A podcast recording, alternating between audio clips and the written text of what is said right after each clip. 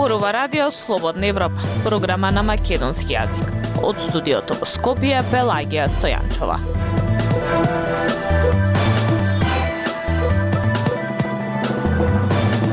Во денешната емисија на Радио Слободна Европа објавуваме Министерот за локална самоуправа Горан Милевски си поднесе оставка од функцијата. Прва оставка во владата на Ковачевски.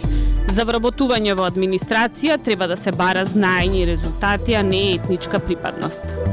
Државата дели бесплатни учебници за учениците, но некои се толку распаднати што се неупотребливи. Слушајте не. Независни вести и анализи за иднината на Македонија. На Радио Слободна Европа и слободнаевропа.мк. Прва оставка во владата на премиерот Димитар Ковачевски по 8 месеци откако тој е на премиерската место. Министерот за локална самоуправа Горан Милевски си поднесе оставка до владата како што наведе од лични причини. Од владата и партиите дел од владеачката коалиција вела дека засега не се планира смена на други министри. Оставката на министерот Горан Милевски во јавноста се поврзува со неговиот став за францускиот предлог, различен од оној што го имаше владеачката коалиција, чии члени и неговата либерално-демократска партија. Милевски беше против францускиот предлог со кој дел од бугарските барања влегоа во преговарачката рамка со Европската унија како услов за повлекување на бугарското вето за почеток на преговорите на Македонија со ЕУ. Сепак, двајцата пратеници од неговата партија во парламентот гласаа за предлогот. Ставовите на Милевски ги делеа и лидерите на Демократската обнова за Македонија и на Демократскиот сојуз Маја Морачанин и Павле Трајанов.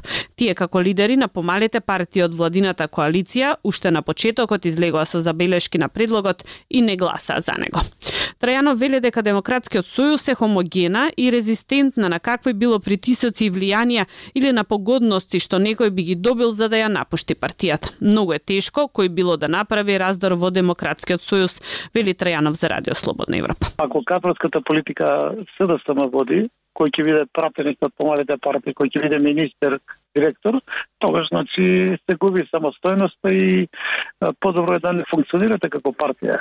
Морачанин за РС е вели дека нема никакви последици заради тоа што има поинакво мислење за францускиот предлог. Не, ја во дом не, не сме имале ниту јас лично, ниту во, во партијата, било каков вид на, на притисок. Ние јавно си го кажавме ставот, тоа, тоа беше став на дом, но не, никаков вид на притисок околу тоа не сме имале. За оставката на Милевски Морачанин дознал од медиумите, а нема информации ниту знам можна реконструкција на владата. Трајано вели дека приоритет на владата не треба да и бидат кадровски прашања, туку прашања од кои зависи обстојувањето на граѓаните, особено сега во услови на економска и на енергетска криза. Но како што вели, многу малку се слуша гласот на помалите политички партии. Поставката на Милевски медиумите лицитираат со уште три имиња на министри кои би можеле да се збогуваат со таа функција. Се спомнуваат имињата на Благо Бочварскиот СДСМ и двајцата министри од алтернатива на новиот владин партнер, министрите за здравство Беким Сали и за информатичко општество Адмирим Алити. И од владата, но и партиите дел од неа негира дека има такво нешто. Министерот Сали во одговор до Радио Слободна Европа вели дека нема преговори за реконструкција. Од министерот Бочварски не добивме одговор. Оставката на Милевски медиумите ја најави уште пред неколку недели. Освен од министерското место, пишува дека ќе си оди од лидерската позиција во ЛДП, помал коалиционен партнер во владеачката коалиција. Милевски негираше дека неговото повлекување има врски со тоа што имаше поинаков став за францускиот предлог за откочување на евроинтеграциите. Вели дека се заморил од министерската функција која извршува од 27 јуни 2019 година. Слободна Европа. Следете на на Facebook, Twitter и YouTube. Балансерот извор на многу злоупотреби при вработување во јавната администрација, па место бројките во него, подобро е да се почитуваат законите и уставот, а не волјата на една институција, сметаат експертите по администрација. Ваквите реакции доаѓаат по неодамнешната промена на процентите во така наречениот балансер, онлайн калкулатор со кој се одредуваат тидните вработувања во јавната администрација според етничка припадност, а според податоците за етникуми од последниот попис. Јасмина Јакимова. Последните промени во балансерот, каде има значително повисок процент етнички албанци што треба во иднина да добијат државна работа, ја вознемирија јавноста. Па така, на пример, со измените, ако има 30 нови вработувања во Министерството за администрација, од нив 17 ќе бидат за етнички македонци, 10 за албанци, а место ќе има за уште по еден турчин, србен и ром. Од Министерството пресметера дека при новите вработувања треба да се примат скоро 32% албанци, околу 58% македонци, додека за останатите етнички заедници се резервирани помалку од 5%. Високиот процент кај албанците, министерот за администрација, Адмири Малити, ја правдаше со тоа што ги користеле податоците од пописот на нерезидентното население, односно оној во кој е вклучена диаспората. Во исто време, од Државниот завод за статистика укажа дека валиден треба да биде само пописот на населението што живее во земјава, додека од владата уште минатиот месец ја поддржаа направената корекција на балансерот. Според професорот Драган Гуцевски од Правниот факултет во Скопје, ако решиме да ја задржиме оваа алатка, треба да се почитува ставот на надлежната институција треба да се користат податоци од последниот попис при вработување и да се земе предвид ставот од надлежен орган како ќе се толкова пописот, а тоа е Државниот завод за статистика кој што укажува дека се користат само податоци за резидентно население. Се надвор од тоа е самостојно делување на еден орган. Осврнувајќи се на последните корекции во балансерот, Неда Малеска од Центарот за управување со промени смета дека се несоодветни и само создаваат револт кај јавноста. Таа вели дека сега е поважно да се види кои се потребите на администрацијата, но и каква е структурата на невработените. Треба и Министерството малку посистемски да прииде кон овој проблем, да ја погледне структурата на невработените согласно пописот, а да гледне потребите на администрацијата. Не можете туку така да направите промени на балансерот, само заради тоа што те го протолкувале пописот на начин на кој што вам ви одговара. Професорот Гуцевски па окоди чекор понапред и смета дека е време да се напушти балансерот, бидејќи веле дека најголем дел од прашањата на застапеност на етничките заедници веќе се инкорпорирани во законската регулатива балансирот како алатка се покажа како неуспешен, затоа што ефектот што треба да го постигнува е делумен.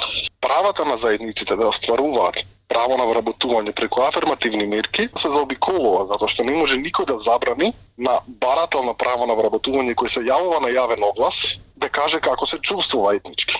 Веќе е познато дека припадници на различни етнички заедници, зависно од моменталната квота за која може да се прими по афирмативна мерка, се изјаснуваат како што налага потребата.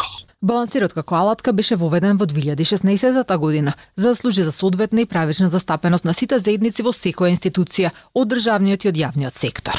Сега во јавниот сектор има нешто над 20% вработени што се представници на помалите етнички заедници, при што најбројни се од албанската. Радио Слободна Европа, светот на Македонија од цел комплетни учебници, ретко може да се најде некој што е нов и целосен и од кој може да се учи, алармираат ученици во разговор со Радио Слободна Европа. Други пак ни испратија фотографии за да видиме во каква состојба се учебниците од кои учат. Од Министерството за образование вела дека во моментов има повеќе постапки за издавање и дистрибуција на нови учебници. Емилија Бунтеска Нацовска ја слушаме во продолжение. Ученици пријавуваат дека добиваат многу оштетени учебници кои речиси не можат да ги користат, а во најлош случај недостасуваат и делови од учебниците или воопшто немаат учебници за одделни предмети, алармираат од Сојузот на средношколци. Јас имам учебник што изгледа само второ полугодие ќе треба да учам, од 141 страна почнува, така да топ, ќе одмарам прво полугодие изјави средношколката Теодора Томашевска за РСЕ. Ако учебниците се стари со децени и не може ни да се очекува да се во добра состојба, заклучи средношколецот Леонардо Змајшек.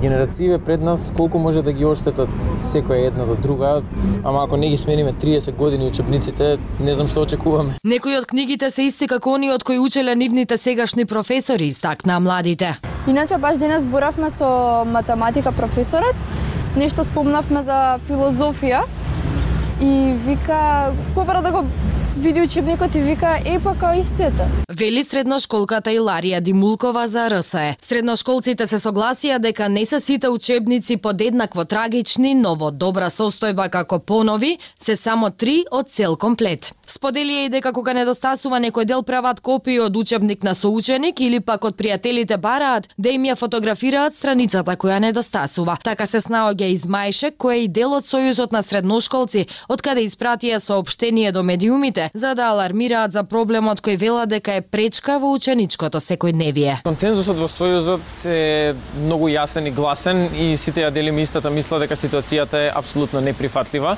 Нешто што ни е ветено како пристапно и бесплатно, особено на важна тема како што е образованието, која е иднината на, на нашата генерација, не смееме да се дозволиме да е во оваа состојба и поради тоа и Сојузот всушност го прави тоа што може, го представува гласот на учениците и го испративме токму тоа соопштение до сите медиуми и ќе продолжиме да работиме во насока на решавање на проблемот. Истакна Змајше како член на Сојузот на средношколци. Од Сојузот вела дека проблематични ситуации со учебниците има во Скопје, Битола, Велес, Прилеп, Делчево и други градови. Во моментов има повеќе постапки за издавање и дистрибуција на нови учебници, тие се во различна фаза, велат од Министерството за образование и наука. За средно гимназиско образование спроведена е јавна набавка за откуп на тиражи, согласно потребите и голем број од учебниците да се дистрибуирани до училиштата, додаваат од таму. Според нив, издавачката куќа Просветно дело треба да заврши со дистрибуција на учебници до денеска, а во делот на средното стручно образование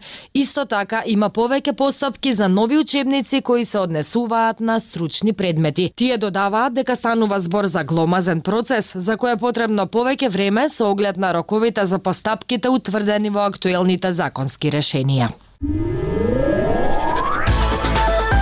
Актуелности свет на Радио Слободна Европа.